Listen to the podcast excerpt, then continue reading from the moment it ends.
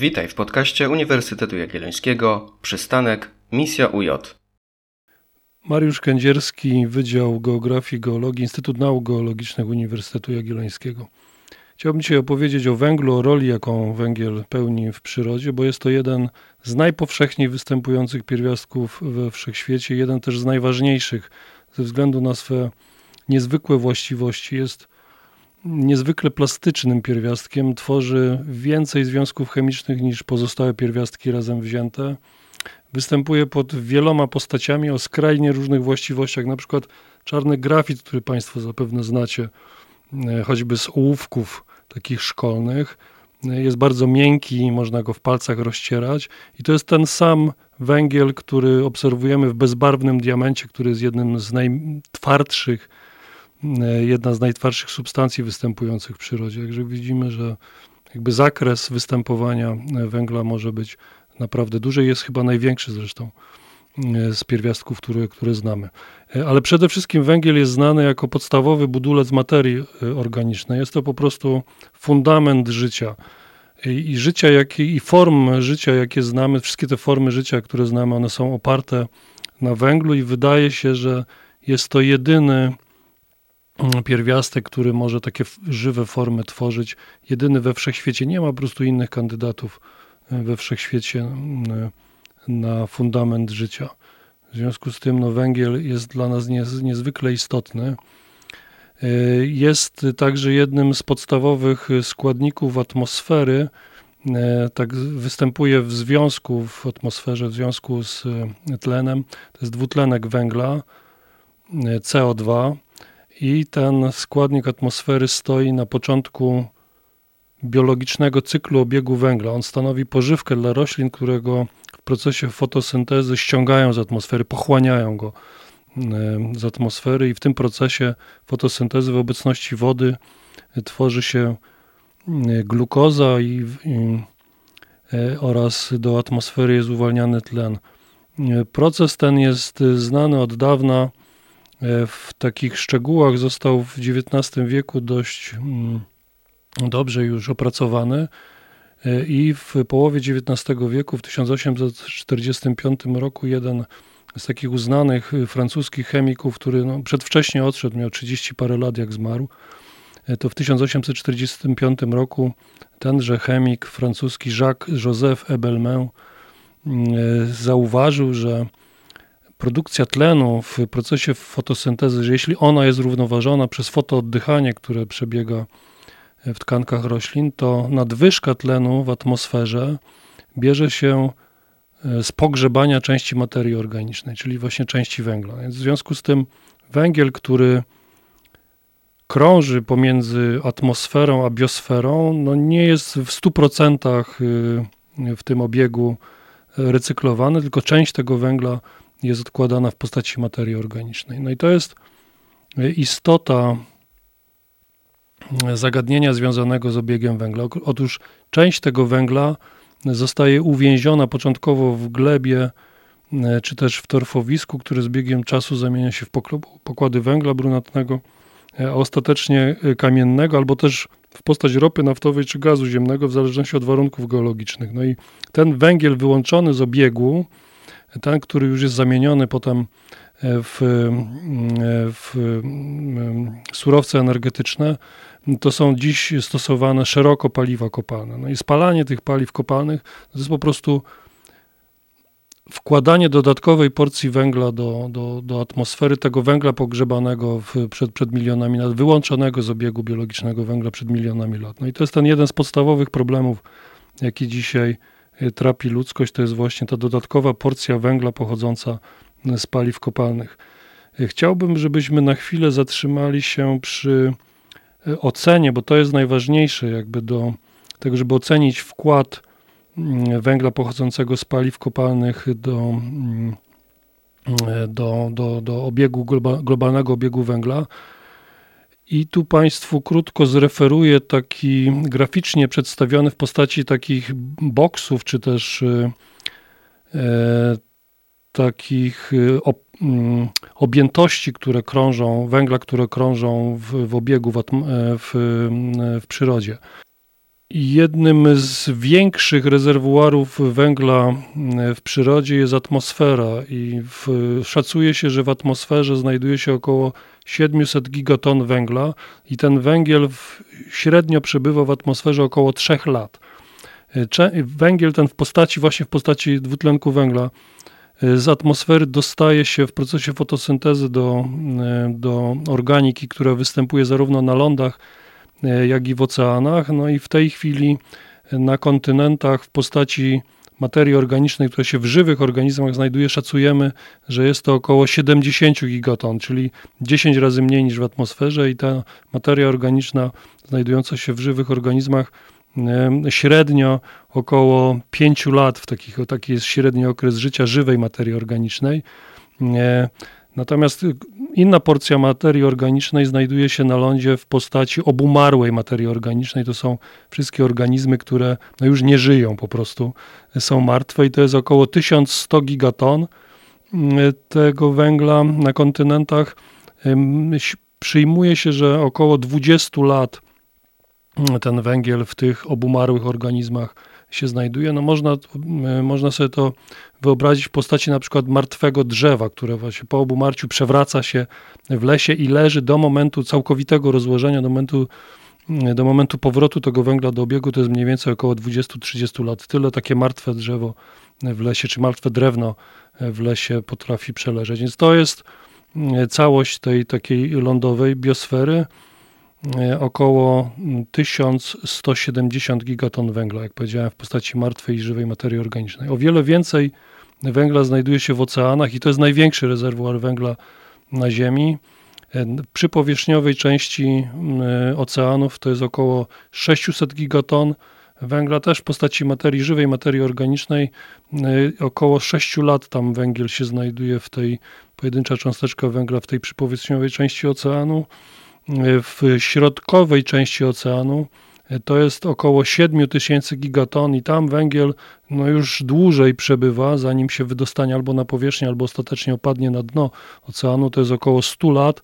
No i tej najgłębszej części oceanu, e, na dnie oceanu, znajduje się około 30 tysięcy gigaton węgla i węgiel tam średnio przybywa około 100 tysięcy lat. I to jest ten proces, obiegu węgla, który już liczymy właśnie w skali czasu geologicznego, bo część tego węgla z głębokiego oceanu dostaje się do osadów morskich i w tej chwili w osadach morskich jest zgromadzonych około 30 milionów gigaton węgla. I średni czas obiegu tego, tych osadów morskich w przyrodzie to jest około 100 milionów lat, więc to jest zupełnie poza skalą czasu, e, jaką jesteśmy w stanie sobie wyobrazić i, i zupełnie jakby e, ten to można by to uważać za węgiel, który jest niedostępny jakby dla, dla tego krótkookresowego obiegu węgla, w którym funkcjonuje człowiek, w którym cała biosfera funkcjonuje. Więc wróćmy na chwilę do materii organicznej, która, y, która jest wyłączana z obiegu tego krótkookresowego, czyli tej części materii organicznej, która nie powraca do atmosfery,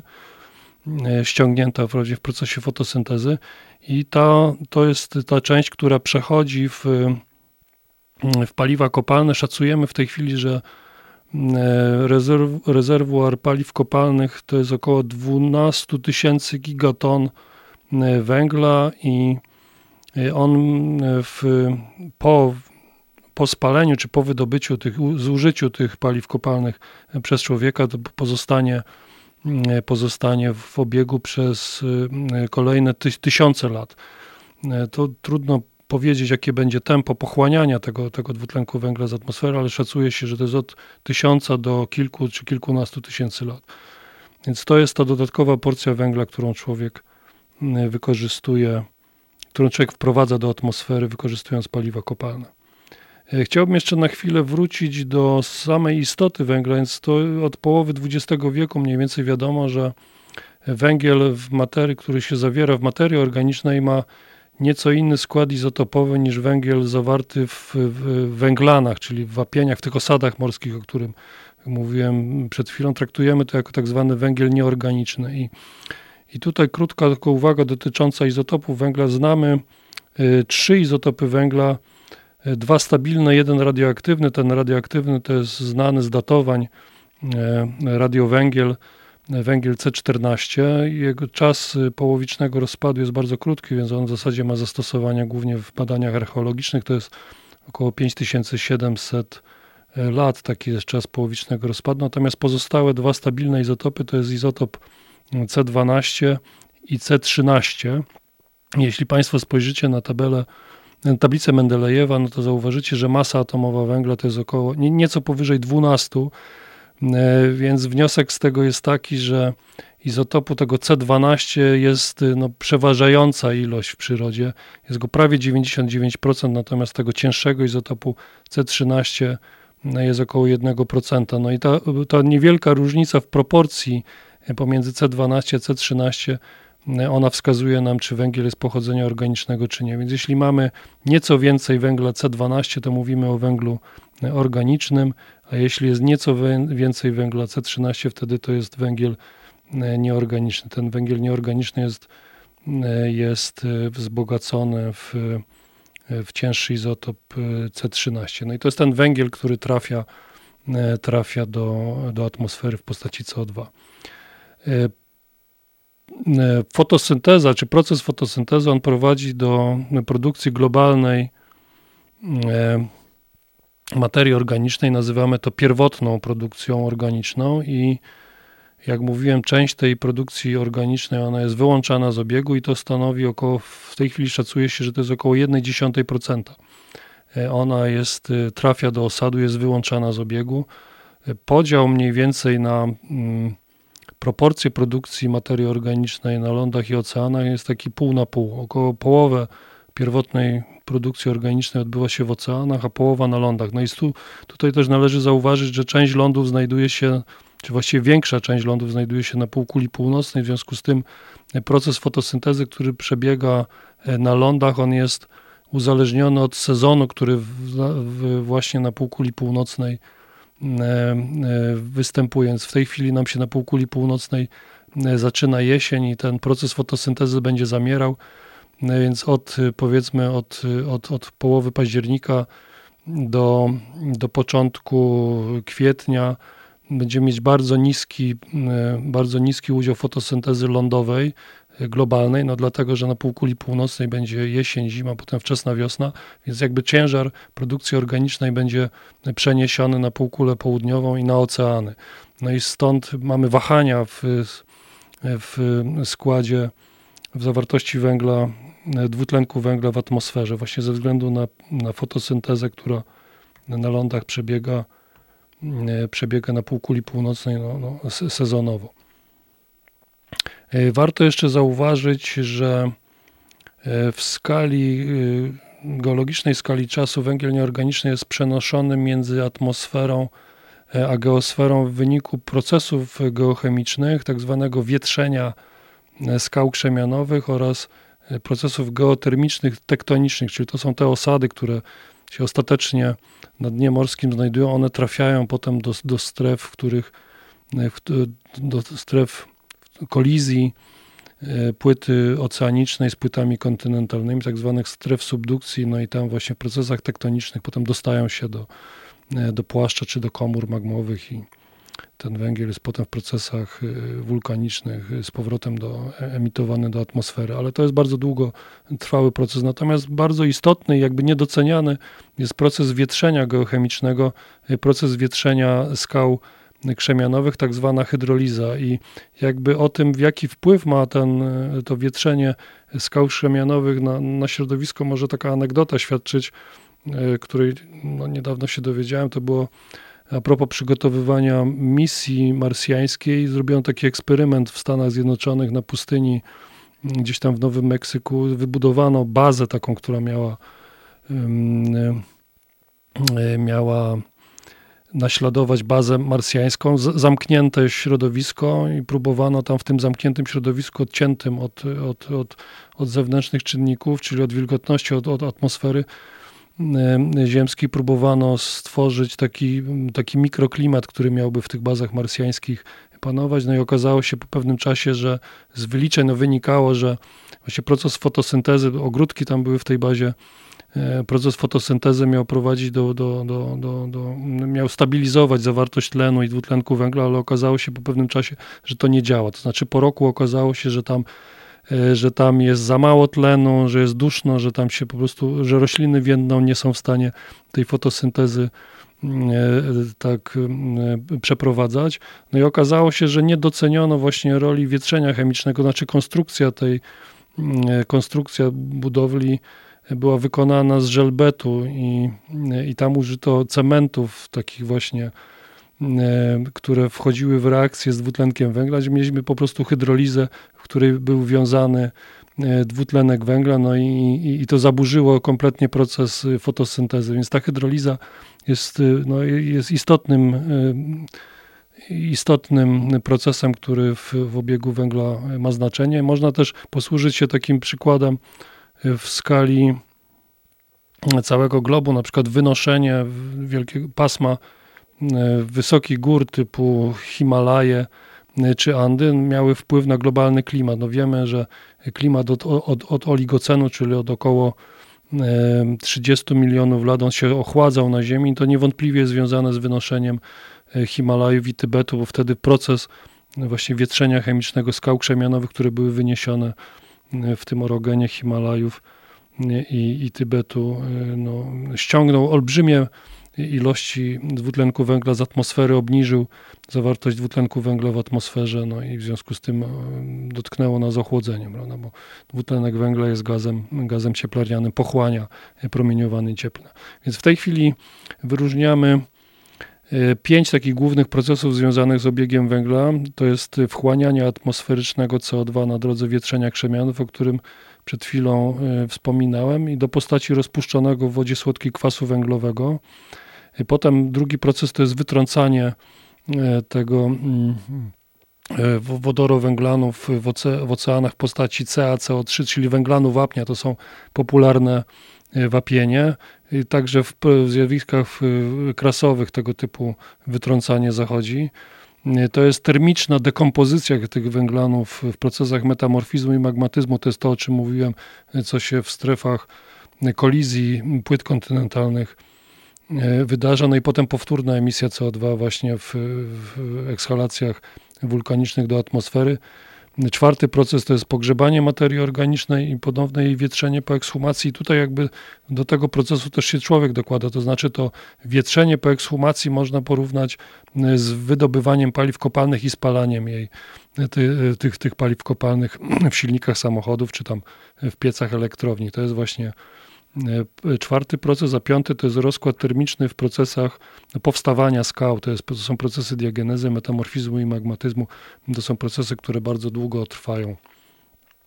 E, I w, z zagadnieniem związanym też z obiegiem węgla jest zagadnienie wzrostu Y, zakwaszenia wód oceanicznych, bo w, w tej chwili, to jak mówiłem, największym rezerwuarem węgla na Ziemi są oceany i one są też głównym miejscem wchłaniania węgla w postaci CO2 i obecnie te oceany pochłaniają około połowy emisji CO2 spowodowanej działalnością człowieka i powoduje to wzrost koncentracji CO2 w wodzie morskiej i wzrost jej zakwaszenia, czyli spadek wartości pH. Jak przypomnę, że pH w oceanach dwutlenek węgla występuje jako trzy nieorganiczne postacie. To jest dwutlenek węgla, o którym wspomniałem, to jest trójtlenek węgla CO3 e, oraz wodorowęglan HCO3 jako sól kwasu węglowego. I te trzy formy e, rozpuszczonego węgla nieorganicznego występujące w wodzie morskiej działają jako naturalny bufor węglanowy. Jeśli dodamy CO2 do tego, do wody morskiej, e, to reakcja z jonem wodorowym doprowadzi do powstania HCO3, czyli wodorowęglanu, a poziom pH zostanie utrzymany i obecnie jest on lekko zasadowy, to znaczy woda morska globalnie średnio ma nieco powyżej, odczyn jest nieco powyżej 8. Zakwaszenie oceanu, czyli dodawanie kolejnych porcji CO2 mm, pochodzącego z, z atmosfery spowoduje obniżenie mm, pH do około w najbliższym czasie do wartości poniżej 8. Mam przed sobą takie modele, które pokazują w jaki sposób będzie się zmieniało y, zakwaszenie oceanu w zależności od wzrostu atmos- wartości atmosferycznego CO2. No i szacuje się, że jeśli y, poziom CO2 osiągnie wartości około 500 ppm, w tej chwili mamy 420, to przy tej wartości 500 ppm pH będzie poniżej 8,1. Jak mówię, w tej chwili mamy pH e, w granicach e, 8,2, 8,3. Gdybyśmy e, w dalszym ciągu emitowali CO2 na takim poziomie, jakim obecnie, to do roku 2100, czyli w ciągu najbliższych 170-180 lat dojdziemy do wartości e, CO2 w atmosferze w granicach 700-800 ppm, to wtedy zakwaszenie oceanów będzie na poziomie pH 7-8 i to już jest taka wartość graniczna dla wielu organizmów morskich, które nie będą w stanie wytwarzać skorupek węglanowych. No więc to, to dotyczy, mm, dotyczy no w zasadzie większości życia organicznego w, w oceanach. No poniżej 8 już połowa organizmów, które współcześnie znamy, nie jest w stanie wytwarzać szkieletów węglanowych, a przy wartości 7-8, no to już no bardzo nieliczne. I to są wartości, które są znane jedynie e, z zapisu kopalnego, to znaczy sprzed wielu, wielu milionów lat, kiedy środowisko było zupełnie inne.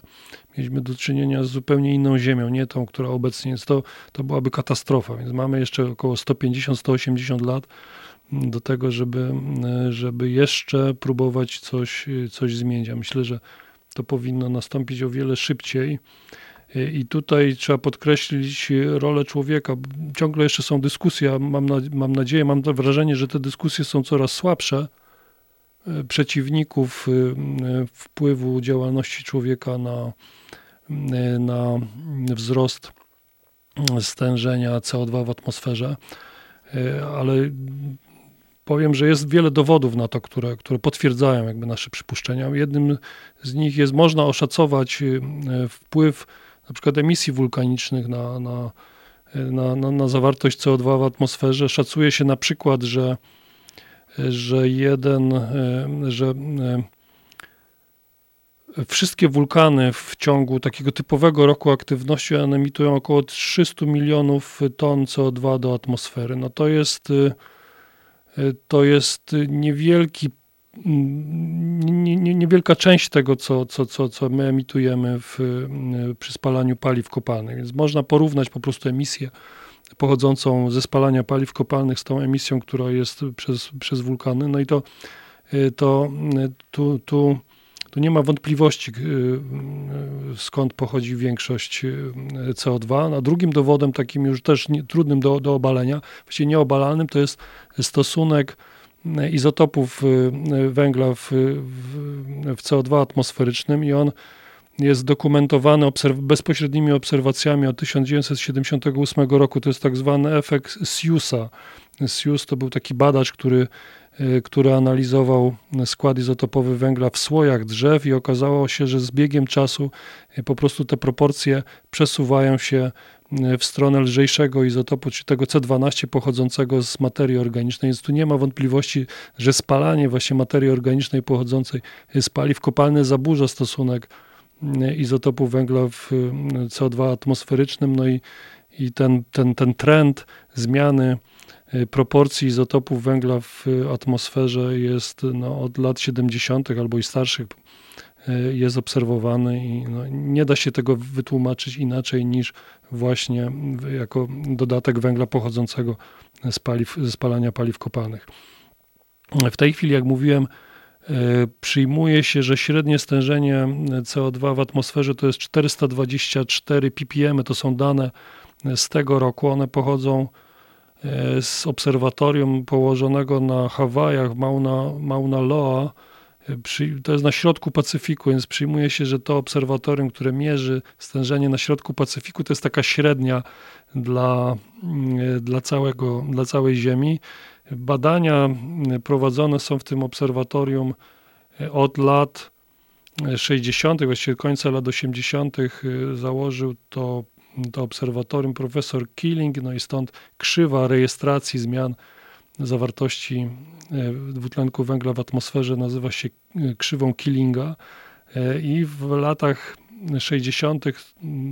te wartości wynosiły 310-320 ppm. W tej chwili, jak mówiłem, to jest powyżej 420 n- i nieustannie rosną i skala jakby, czy tempo też przyrostu no jest nienotowane e, od czasów historycznych, a nawet prehistorycznych, czyli od, od około 800 tysięcy lat, bo to, to jest e, e, w ciągu oś, ostatnich 800 tysięcy lat mamy tutaj dane pochodzące z e, rdzeni lodowych z Antarktydy. Tam mamy pokrywę lodową, która ma właśnie około miliona lat i mamy laminki roczne przyrostu lodu i ba- badano skład powietrza atmosferycznego w tych, w tych banieczkach powietrza uwięzionego w lodzie i wiemy, że w ciągu ostatnich 800 tysięcy lat no,